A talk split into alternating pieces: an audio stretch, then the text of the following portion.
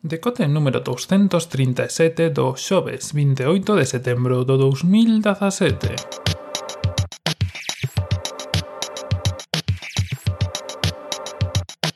Bos días e benvidos a esta nova edición do Decote. Que tal un teco domótica? Animastes vos ou non Ou botastes un ollo ás cousas que ten IKEA ou outros fabricantes? A verdade é que se me olvidou decir onte Pero bueno, un día que nos metamos máis a fondo con HomeKit en concreto eh, Falaremos un pouco tamén do subreddit de HomeKit De páxinas que falan un pouco de todos os accesorios que hai para domótica E bueno, de prezos e esas cousas. Pero como momento, e mentras non saia esta Strat Free con soporte para HomeKit e para sistemas de domótica un pouco máis eh, xerais, pois imos deixar ese tema aí. Do que imos falar hoxe foi doutras das cousas que fixen este verán e ainda sigo facendo e o tema de practicar deporte. Bueno, xa supoño que sabedes que eu son bastante deportista, practico bastante deporte sempre que podo e, eh, mentras que en inverno pois me dedico máis a temas de baloncesto, atletismo ou cosas así, individualmente, pois en verán só intentar eh, facer un par de triatlóns polo menos, triatlóns normaliños, sprint, super sprint, que son de pouca distancia. Este ano fixen o de Ferrol, que era super sprint, moi cortiño, e o de eh, Pontevedra, que era sprint Un, un sprint, para que os fegades unha idea, a metade do Olímpico, son 750 metros nadando, 22-23 km en bici e 5 km correndo. Nada demasiado apurado, pero bueno, está ben, practicas, entrenas e, e é bastante divertido. A idea, evidentemente, pois, é ir subindo. Este ano non puido ser, pero seguramente por ano pois, xa faremos un Olímpico, que o doble de eso, un kilómetro medio nadando, 40 en bici e 10 km correndo. Bueno, pouco a pouco, esas cosas que, que estos objetivos que nos poñemos, esas cosas que está ben facer en verán. Evidentemente, pues para hacer todo esto hay que entrenar mm, no todos los días, sobre todo para sprint y super sprint, pero bueno, sí que hay que tener ciertas ganas y cierta continuidad. Este ano deu ser dos anos nos que máis me puxen porque, bueno, aproveitando que iba a preparar eso, pois pues tamén fixen un par de travesías a nado que están bastante ben, son bastante divertidas, nunca fixera ninguna e, bueno, preparas, vas facendo pequenos entrenamentos e pequenas pues, carreiras ou travesías que, que te axudan.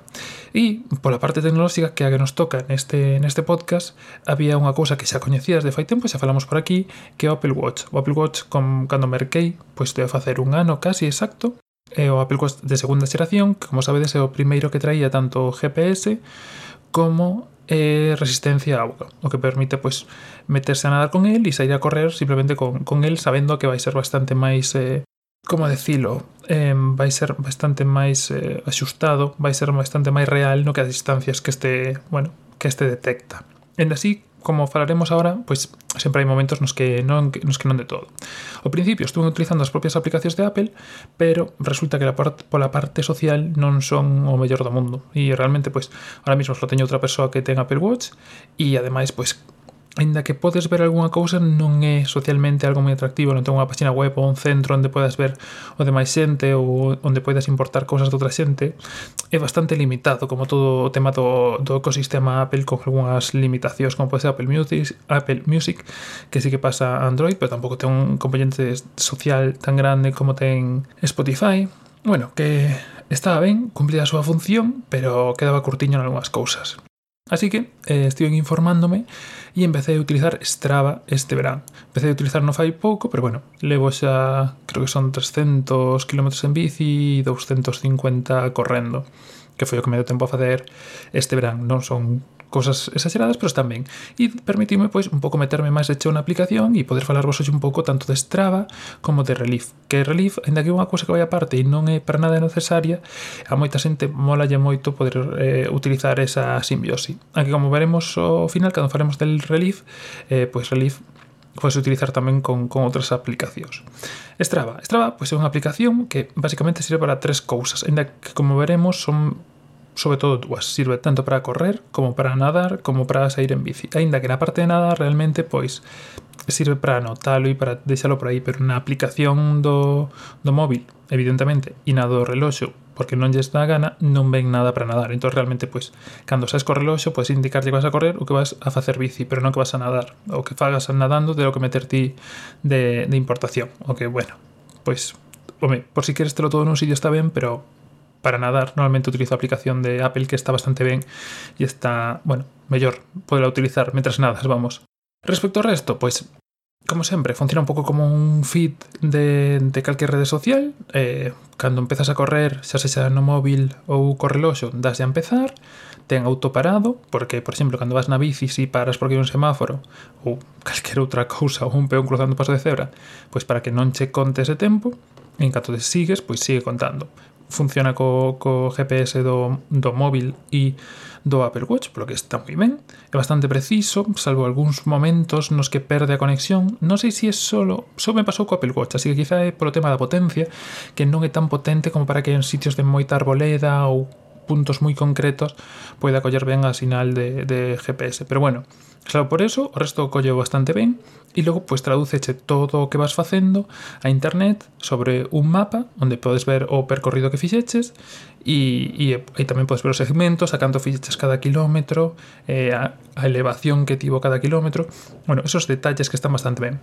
Evidentemente, sobre isto que pos, pois a xente que te siga ou que sigues, eh, pode velo, pode darlle un me gusta, pode comentar e, bueno, case calquer cousa. Sobre isto, ademais, podes subir fotos si vas en bici, pois é máis normal para un momento facer unha foto e cando acabas, pois mostraste todas as fotos que tes dicindoche cales foron as que tomaches mentras estabas facendo eh, o percorrido. Isto é independente de que o estés collendo, por exemplo, co Apple Watch ou co iPhone. entonces se si tú vas co Apple Watch pero faz a foto co iPhone, indícache entre a hora que empezaches e a hora que acabaches as fotos que sacaches e podes coller unhas e subilas e, bueno, quedache aí un pequeno recordatorio, sobre todo se si, eh, si o ves en Strava, pois tes por aí as fotos que, que vas facendo, que, bueno, para compartir non está mal. Non é unha aplicación demasiado complexa, creo que está moito máis centrada que en do mundo, que era o que utilizaba antes, en do mundo, como sabedes, ou se a utilizades, teñen pois prácticamente calquer deporte que queiras, podelo meter aí a saco, o que queiras, o que te podes imaginar, podes poñelo, bici de montaña, bici de carretera, eh, bici de paseo, o que queiras. Aquí, pois, reducese moito máis, basicamente correr e bicicleta, indo que fai dunha forma moito máis especializada, pois tam, eso tamén axuda a que sea moito máis conciso e máis claro. Unha cousa que das que me falla a min, por exemplo, é que non podes indicar que fuches a correr con outra persoa.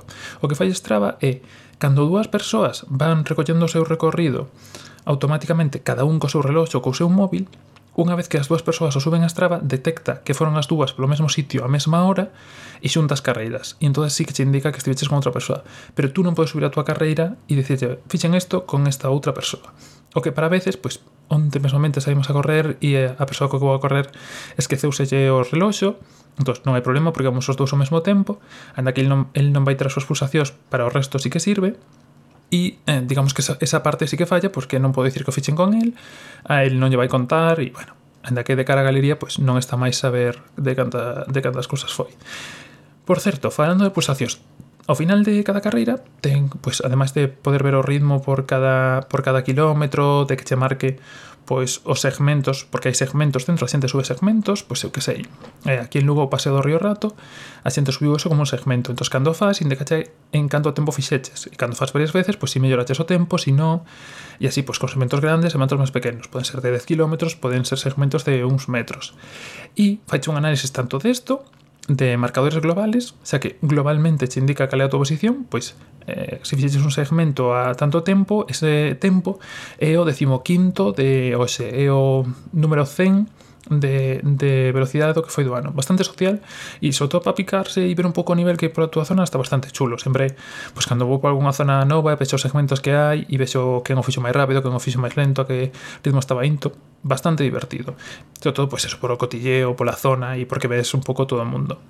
E logo, como os decía, o final de cada práctica, además de indicarche pois, o análisis de ritmo, o análisis dos metros que subiches ou baixaches, tamén ten unha pequena análise aínda que non sempre é exacta de todo, do ritmo cardíaco, para que sabes un pouco.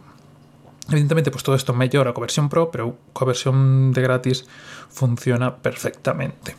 E, eh, pasándose ao que vos decía, pasando a Relief, Relief é unha pequena aplicación moi básica que o que fai é sacar de todas estas rutas que facedes co, co GPS encendido unha ruta nun plano tridimensional Eh, é dicir, como que ves o, o relieve e o, todo o sitio por onde estivetes pasando como se si fora en Google Maps na versión 3D e mostrache as fotos que, que fuches facendo en cada sitio, onde foi ese sitio, cales foron os puntos máis rápidos, os máis lentos.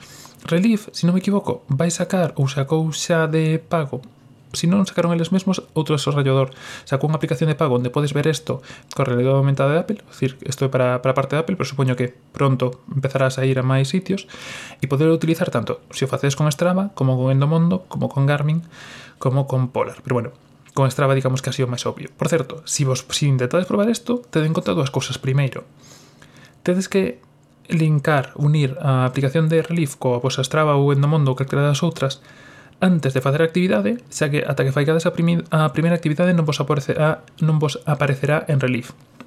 Te en conta porque moita xente pensa que non se lle conecta porque non aparece nada, pero que ata, ata que facades a primeira non vai aparecer. E o segundo é que eu polo menos tiven que facer a conexión desde o ordenador, porque desde o móvil, tanto a min como a miña señora como a máis xente, non lle funcionou a primeira. Entón, se si queredes probar, pois facedes desde ordenador que vos será máis cómodo e vos funcionará a primeira. E nada, deixo vos un enlace na descripción tanto a Strava como a Relief como un vídeo que fixen con Relief que o colguei por, por Twitter para que o veixades para, por si vos interesa saber un pouco de que vai a cousa.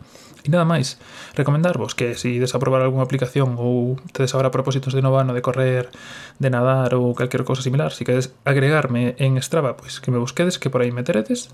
Si corredes e eso, pois seguramente nos vemos o próximo domingo día 8 na carreira dos 10 km de Coruña que estaremos por ali facendo e pouco máis por hoxe. Tedes en podcast.algue.net e na descripción deste episodio no vosso podcatcher eh, os enlaces, ademais de unha pequena descripción e se precisades algo máis tamén podes atopar ali as formas de contactar conmigo, ainda que xa tedes que saber máis que de memoria. E nada máis por hoxe, que teñades un bo xoves, un bo día, un saúdo e ata mañá.